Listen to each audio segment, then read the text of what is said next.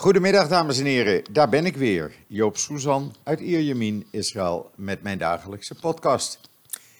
Ja, eh, deze keer ook weer een overvolle podcast, want u weet het zo langzamerhand. In Israël, never a dull moment. Maar laat ik eerst maar beginnen met het weer. Nou, eh, we hebben de afgelopen nacht dan eh, wat regenbuitjes gehad. Het was hier in de buurt niet echt veel, maar elders in het land ja, heeft het behoorlijk geregend. Maar nu is het lekker weer, zo'n 27, 28 graden. En ja, de komende dagen blijft het een beetje zo rond deze temperaturen met... Ja, de voorspelling is af en toe wat regen. Maar goed, eh, de regen eh, duurt hier nooit zo lang.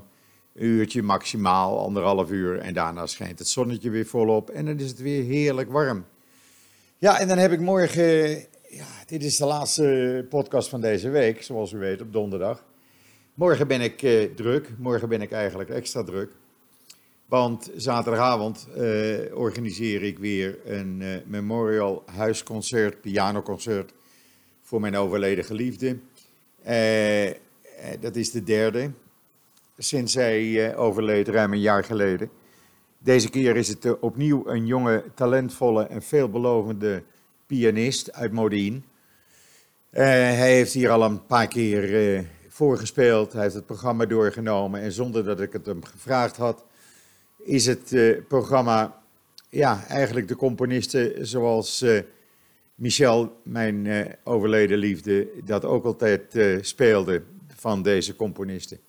Heel bijzonder om dan te horen zijn interpretaties, die eigenlijk niet zo ver af liggen van wat ik gewend was. Verwacht eh, ja, zo tussen de 40, 60 mensen. Meer kan ik er trouwens niet in hebben. 60 is al veel in huis. Betekent dat ik eh, de hele eh, boel aan de kant schuif, tafels, bankstel, zoveel mogelijk klapstoelen en plastic stoelen neerzet.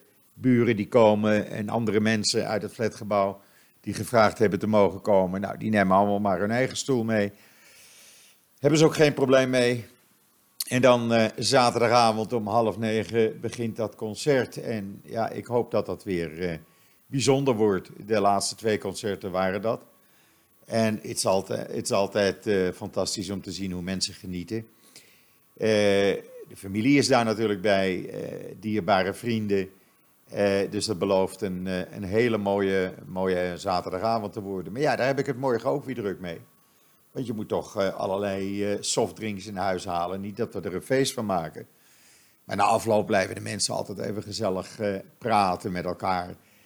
En dan wil je ze toch wat te drinken en een nootje aanbieden. Dus dat moet ik morgen allemaal organiseren. Daarnaast het huis schoonmaken, want het moet er toch een beetje netjes uitzien. Nog wat boodschappen doen. Ik hoef gelukkig niet te koken, want ik ben door een van de kinderen in Tel Aviv gevraagd te komen eten. Nou, dat is gezellig.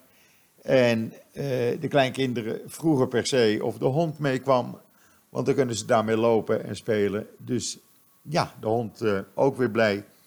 Die mag morgen in de auto. Nou, dat vindt hij geweldig. En dan eh, ben ik dus morgenavond ook onder de pannen en dan kan ik de zaterdag gewoon ja, me bezighouden met de voorbereidingen voor het huisconcert. Wel bijzonder, je hoeft de buren niet eh, te vragen van eh, sorry, maar we maken wat lawaai. Wel nee, ik hou ook de balkondeuren open. Iedereen geniet dan mee en eh, ja, zoals de vorige keer in mei kwamen mensen ongevraagd binnen. De deur staat namelijk open. En men ging gewoon staand genieten. En dat is ook Israël. Doe maar, kan geen enkel probleem zijn. Dus ja, een beetje druk weekend voor de boeg. Maar goed, laten we eerst maar eens even kijken wat staat er op joods.nl, want er gebeurt weer van alles natuurlijk. Gisteravond heeft eh, Benny Gans dan van eh, president Rivlin eh, zijn mandaat gekregen om een regering te pogen samenstellen. Dat is voor het eerst in ruim tien jaar dat iemand anders dat gaat doen dan Netanyahu. U weet, Netanyahu is er nu twee keer niet ingeslaagd. Benny Gans is ja, vrij optimistisch. Hij zegt het gaat ons lukken. Wij gaan met iedereen praten. De eerste die hij uitgenodigd heeft is Netanyahu en Lieberman. Die komen zondag. Netanyahu is op de uitnodiging ingegaan. Alhoewel de Likud er even moest bij zeggen dat hij dan wel spreekt namens het 55-koppige rechtse religieuze blok. uh, Lieberman of uh, Benny Gans gaat daar niet op in. Die heeft gewoon de uitnodiging gedaan aan Netanyahu. Hij wil ook best een rolerend premierschap, maar niet met Netanyahu, want hij zegt: Netanyahu zal de komende tijd, en ja, dat is een lange tijd, een jaar, anderhalf jaar misschien wel bezig zijn met zijn juridische perikelen in verband met de aanklachten die hem boven het hoofd hangt. Nou, als nou uh, in de komende 28 dagen, waar Gans de tijd heeft een regering samen te stellen, de procureur-generaal met zijn definitieve aanklachten komt, dan wordt het voor Gans al wat makkelijker. Want als dan blijkt dat Netanyahu voor fraude wordt aangeklaagd in een van de zaken, case 4000, dan, uh, ja, dan kan uh, Gans zijn poot stijf houden en zeggen nee, dat is een te ernstige beschuldiging, jij kan geen premier meer worden. En dan zal je ook zien dat binnen de Likud het gemor begint en men iemand anders naar voren wil gaan schrijven. Blijkt dat Netanyahu niet voor fraude wordt aangeklaagd, maar voor lichtere zaken, ja, dan acht ik de kans aanwezig dat er een soort roterend premierschap komt. Eh, zoals president Rivlin heeft eh, voorgesteld. En dat zou de beste oplossing zijn. Als we dan gewoon een regering krijgen, een meerderheidsregering met een royale meerderheid van meer dan 70 van de 120 Knesset stemmen, ja, dan eh, kan er tenminste na bijna een jaar weer geregeerd worden op een normale manier. Maar we zullen het zien. In ieder geval heeft iedereen eigenlijk uh, de uitnodigingen geaccepteerd. Dinsdag uh, gaat Gans met anderen spreken, andere partijleiders. Het blijkt ook dat de rechtse partijen die altijd volhielden, en de religieuze, twee van de drie religieuze partijen die altijd volhielden van nee, wij staan als één blok in dat uh, blok van uh, Netanyahu en we gaan niet afzonderlijk praten. Die hebben nu tegen Gans gezegd, we zijn geïnteresseerd in een ontmoeting. Uh, laten we maar gaan praten. dat betekent toch al een kleine scheuring in dat blok. Ook Ayelet, Ayelet Selak, Shaket heeft bereidheid getoond de onderhandeling, onder, te gaan onderhandelen met Gans. nou, dat betekent toch dat men wat flexibeler is geworden en men toch ook wel eindelijk gaat inzien dat het belangrijker is een regering te krijgen in Israël dan achter Netanyahu te blijven staan. Laten we hopen dat dat uh, allemaal uitkomt en dat dat uh, binnenkort, binnen een maand, uiterlijk tot een regering leidt. Ja, dan hebben we de United Nations Mensenrechtenorganisatie weer, of met andere woorden de UN Human Rights Watch. En uh, een expert, tussen aanhalingstekens zeg ik nu maar, van deze mensenrechtenorganisatie, u weet wel waar Saoedi-Arabië en Venezuela ook lid van zijn. Twee landen, om maar een voorbeeld te noemen, die het niet zo nauw nemen met mensenrechten. Uh, in ieder geval een expert van deze eh, UN-organisatie wil dat er wereldwijd een boycott komt van producten en bedrijven die uh, op de, in de Israëlische nederzettingen werkzaam zijn en daar producten maken. Want uh, we moeten Israël dwingen tot een twee-staten-oplossing. Dat vindt deze meneer uh, Michael Link, die zogenaamde expert. Nou ja, Israël is al geen lid meer van die racistische organisatie, want zo mag je het eigenlijk wel noemen. Want het enige waar de UN Human Rights Watch zich mee bezighoudt, is kritiek leveren op Israël. Je hoort ze nooit over Iran, je hoort ze niet over Venezuela, niet over Jemen, niet over uh, Saudis, uh, niet over Irak, Syrië. Wel nee, alleen maar Israël. Dus ach, laat ze maar gaan. Het is zonde van de tijd, het is zonde van het geld. Ik begrijp ook niet dat Nederland daar nog steeds lid van is. Maar goed, ze doen maar, zou ik maar zeggen. In Israël ligt men er niet wakker van. Want als je zo'n zwarte lijst gaat doen, dan laat je zien dat je zelf niet zuiver op de gaard uh, bent.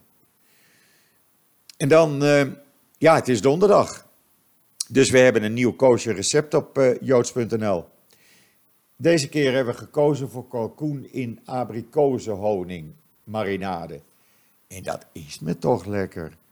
Er is een video, er is een plaatje, de ingrediënten, de bereidingswijze. Alles kunt u vinden in het recept op uh, joods.nl. En ik zou zeggen, maak het en uh, oftewel eet smakelijk. Want je hoeft het niet alleen op vrijdagavond te eten, je kan het eigenlijk op bijna elke willekeurige dag eten. Het is een niet al te lange bereidingstijd.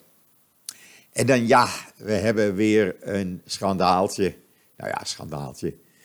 Er is ja, een beetje ophef. We hebben het op joods.nl maar gezet. Zodat u een beetje weet uh, dat we hier ook ander nieuws hebben. De Israëlische kandidaat voor Olympisch goud in windsurfing, die heeft al een maand of acht, negen een liefdesaffaire met haar uh, eh, 18 jaar oudere coach. Nou, dat moest ze zelf maar weten natuurlijk. Als zij uh, dat gezellig hebben samen, ik vind het allemaal prima. Maar er waren andere windsurfers en, die, hun ouders en die zeiden, nou dat kan helemaal niet. Wat is dat nou? Zij krijgt een voorkeursbehandeling. Uh, en dat, dan vinden wij dat alle, alle testen eigenlijk opnieuw moeten worden gedaan, want dit kan helemaal niet. Nou ja, ik denk niet dat het Olympisch Comité deze dame, mevrouw Spij, Spijgakov, laat vallen. Want ja, ze heeft al zilver gewonnen onlangs op de WK-surfen. En in ieder geval kan ze zilver, maar sowieso verwacht men goud op de Olympische Spelen volgend jaar. Dus men gaat laat deze kans hebben niet vallen. En zij zegt ook, ze zegt luister, natuurlijk, wij zijn verliefd. Ik, ik ga daar niet mezelf eruit praten. Dat is helemaal geen geheim. Maar uh, ja, niemand kan gediscrimineerd of geschaad uh, worden, want je gaat de zee op als server, daar ben je alleen. De wind kan de coach niet veranderen. dus waar praten ze nou over? Nou, het is in ieder geval een, een heerlijke roddel waar men in Israël lekker van smult. En dan worden er Koerdische kinderen behandeld in een Israëlisch ziekenhuis. Er is een video en een uitgebreid verhaal hierover op joods.nl. Dat zijn uh, Koerdische kinderen met hartafwijkingen. En uh, ja, de Koerden die komen, die zijn helemaal niet bang. Die zijn juist blij om naar Israël te komen. Zelfs nadat ze gewaarschuwd waren dat ze hun Syrisch paspoort konden verliezen. Maar goed, je kind gaat boven alles. En als kinderen hier genezen kunnen worden van hartproblemen, dan doet men dat. Er zijn nu 41 Koerdische kinderen, die zijn in de afgelopen 10 maanden behandeld hier. Uh, drie Syrische kinderen, en die worden allemaal behandeld in het Sheba Medical Center in Tel Assomer. Dat ligt een paar kilometer ten oosten van Tel Aviv. Het is een heel groot medisch centrum, het is groter dan het AMC. Het is eigenlijk een soort dorp. En uh, ja, er staan interviews in met uh, een van de moeders van een Syrisch kind, of van een Koerdisch kind. Er, staan, er is een interview in dit verhaal met de behandelende arts. hij geeft als voorbeeld hoe je moet communiceren, want ja, deze mensen spreken Koerdisch, zelden Arabisch. Dus je moet een, een Koerd hebben in Israël die Arabisch spreekt. Die kan dat die kan dat dan weer allemaal vertalen. Eh, want het moet van het Arabisch weer naar het Hebreeuws. Nou, dat is een heel gedoe. Maar men komt eruit. Men, men communiceert en dat komt helemaal goed. En het is mooi dat uh, deze kinderen hier in Israël in een ziekenhuis, in Sheba Medical Center, van hun hartproblemen kunnen worden geholpen. U zult dat waarschijnlijk niet in Nederland in de media verlenen, ver, uh, lezen.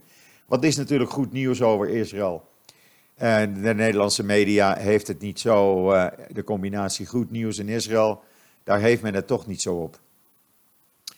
En dan, ja, de laatste tijd, er zijn al een eh, paar honderd Arabieren in Arabische steden en dorpen vermoord dit jaar. Of 75 eigenlijk, sorry, 75 en een paar honderd gewond. En eh, op aandrang van de Joint Arab List is de politie nu begonnen met, eh, samen met de IDF om naar wapens te zoeken. En men heeft dit jaar tot nu toe al ruim 4000 wapens in beslag genomen. Dat zijn pistolen, machinegeweren en zelfgemaakte machinegeweren. Niet alleen de M16's, maar ook wat men in illegale fabriekjes op de Westbank maakt. Uh, en men verwacht nog uh, voor het eind van dit jaar toch minstens 1000, 1500 wapens nog in beslag te kunnen nemen. Want ja, er moet, het moet gestopt worden. Elke uh, ruzie die ze hebben in die Arabische dorpen en steden wordt met een wapen beslecht. En dat kan toch gewoon niet zo doorgaan. Dus het is goed dat ze dat doen. Ook veel munitie is er in beslag genomen. En dan zult u vragen van ja, hoe, kom, hoe, komt dat hoe komen al die wapens dan die, in handen van die Arabieren? Nou, dat wordt gesmokkeld vanuit Egypte, vanuit Jordanië, vanuit de Palestijnse gebieden, zelfs vanuit Syrië. Druzen die uh, de grens overkomen. Of spullen die over het grenshek worden gegooid en dan wordt het weer opgericht. Dus ja, het komt die Arabische dorpen in en men probeert daar nu een eind aan te maken. En dan is er hier in Israël een hoop gedoe rond een mysterieuze vlucht gisteravond van Tel Aviv naar Riyadh in Saudi-Arabië. Uh, een uh, Challenger 604 privévliegtuig, wat geregistreerd staat in Amerika, bij niet nader te noemen uh, bedrijf. Dat privévliegtuig steeg gisteravond plotseling op van Ben Gurion Airport. Landde kort daarna in Amman voor twee, drie minuten. Steeg op en landde in Riyadh in Saudi-Arabië bleef daar een uur aan de grond staan en kwam weer terug naar Tel Aviv. Nou, iedereen vraagt zich natuurlijk af, wie zat daarin? Zat Netanyahu erin? Zat het hoofd van de Mossad erin? Zaten ze er samen in? Uh, opvallend was wel dat de Amerikaanse minister, de nieuwe Amerikaanse minister van Defensie, meneer Mark Esper, gisteravond rond diezelfde tijd ook in Riyadh verbleef. Althans, volgens een verslaggever van Haaretz. Ja, uh, Niemand weet het. Uh, iedereen kan erin gezeten hebben. Maar het zal wel een diplomatieke geheime missie zijn geweest. In uh, september trouwens vertelde de ambassadeur bij de Verenigde Naties van Israël, Danny Danon, dat, aan de Israëlische media, dat Israël en verschillende Arabische staten, ook staten, Arabische staten waar Israël geen diplomatieke banden mee heeft, bij de United Nations en elders in andere organisaties samenwerken tegen Iran. En dat er regelmatig uh, ontmoetingen zijn tussen Israëlische politici en hun Arabische collega's. Dus ja, ooit zal het wel uitkomen en dan zullen we natuurlijk laten weten wie er in dat vliegtuig zat. En dan uh, de Hebreeuwse krant Jeduot Aganot die heeft de transcriptie in handen gekregen en gepubliceerd van de verhoren van de terroristen die de 18-jarige Dwier Sorek een paar maanden geleden met messteken om het leven brachten eh, toen hij uit de bus was gestapt. Zij gaven als reden op in hun verhoren dat ze dat deden omdat ze het lijden van het Palestijnse volk niet meer konden aanzien eh, ook problemen hadden met de situatie rond de Al-Aqsa-moskee, waar Joden eh, op mogen lopen zonder te bidden. En dat ze graag een martelaar wilden worden. Nou, deze twee heren hebben hun hele verhaal gedaan. Eh, het is ook eh, gecheckt en op waarheid blijkt het te liggen. En eh, het hele verhaal van hun verhoor kunt u lezen op joods.nl. Met foto's, met video's. Een van die terroristen zei: Ja, toen ik thuis kwam nadat we hem hadden vermoord, ben ik mijn vrouw en kinderen even naar familie gaan brengen en zijn we daarna gaan bidden in de moskee. Alsof er niks aan de hand was. Daarna ging hij zelfs nog wat boodschappen doen. Nou, dat noem ik dan kille moordenaars, deze terroristen. Lees het verhaal op uh, joods.nl en dan begrijpt u helemaal wat ik bedoel en hoe terroristen ook te werk gaan. Want vaak, ja, die achtergronden lees je nooit. En dat is nu natuurlijk wel het geval, nu dat allemaal op joods.nl staat. En dan op de World Bank's Easy of Doing Business lijst is Israël gestegen naar plek 35 van landen waar je het makkelijk zaken mee kan doen. Maar Nederland is acht plaatsen gezakt. Die staat nu op plaats 42. U kunt dat lezen op mijn eh, timeline. In Twitter. En daar was er vanmorgen weer een foutje. Kostte toch 50, 60.000 dollar. Uh, Gazanen die uh, schoten een, ja, laten we maar testraket noemen, af richting zee. Maar de IDF dacht van, hé, hey, er komt een raket richting Israël, weet je wat, snel even een Iron Dome afschieten. Maar er kwam helemaal geen raket. Dus er ging 50.000 dollar de lucht in. En dan heeft de IDF vanmorgen een aantal gebouwen in een illegale settlement uh, vernietigd. U weet, uh, ik heb het uh, gisteren, heeft u het kunnen lezen in wat schrijven de Hebreeuwse kranten vandaag. Er stond gisteren een heel stuk over in, over de jonge settlers die het tegen de IDF opnamen. En ja, dat, dat schijnt niet zo lekker te gaan op dit moment. En de IDF gaat nu op zijn strepen staan.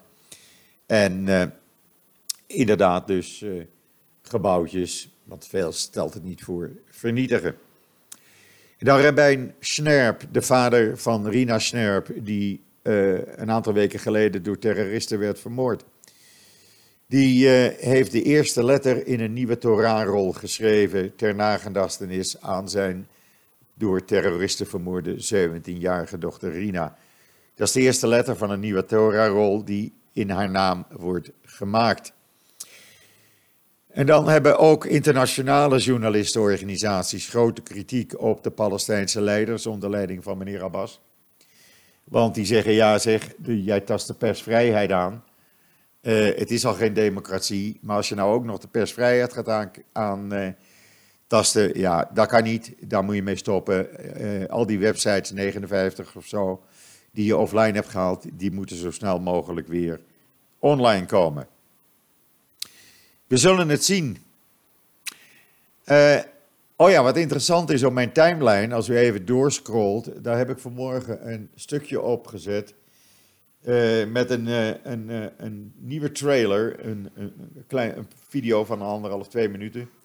En dat gaat over een film over Soedische vrouwen die uiteindelijk mogen autorijden, hoe dat dan in zijn werk gaat. Heel interessant om te zien. Ja, dan uh, brengt mij dat alweer tot het einde van uh, deze podcast. Oh nee, wacht even. Ho, ik ben één belangrijk item vergeten op joods.nl. 78% van de Britse Joden heeft liever een no-deal Brexit dan dat uh, ze moeten meemaken dat meneer Jeremy Corbyn premier wordt. Nou, dat zegt toch wel wat. Dat betekent dat uh, eh, 78% van de Britse Joden ook bang is dat meneer Corbyn aan de macht zal komen. en daar mag je je best zorgen over maken. Als deze antisemiet ooit in de komende tijd premier van Engeland wordt, nou echt, ik denk dat ja, het gros van de Joodse Engelsen uh, gewoon het land uitvlucht. Want dan wordt het antisemitisme, Hamas, Hezbollah, dat wordt alleen maar erger en erger. En uh, ik denk dat al, al die terroristen de vrije hand krijgen om Joden in Engeland te gaan aanvallen. Lees het artikel op joods.nl. En dan ben ik nu echt aan het einde van, van deze podcast alweer. Ja, het gaat hard. Ook het ja, voor de statistici onder u. Dit is al podcast 215. Dus ik heb er al behoorlijk wat gemaakt, toch? En ik blijk in totaal ruim 28.000 luisteraars te hebben wereldwijd. Daar voel ik me ook wel trots op en maakt me ook wel een beetje nerveus soms. Dat ik denk van wauw, zoveel mensen die uh, geïnteresseerd zijn in wat ik te zeggen heb. Dat, ja, dat vind ik toch wel wat. Maar goed, het is wat het is. Dus eh, rest mij u nog een hele fijne voortzetting van deze donderdag, de 24 oktober, toe te wensen. Ik zeg u alvast Shabbat Shalom vanuit Israël. Maak er een mooi weekend van. U weet hoe mijn weekend eruit gaat zien inmiddels. En ja, dan zeg ik met een kleine verandering uh, op mijn beurt: tot ziens, tot zondag.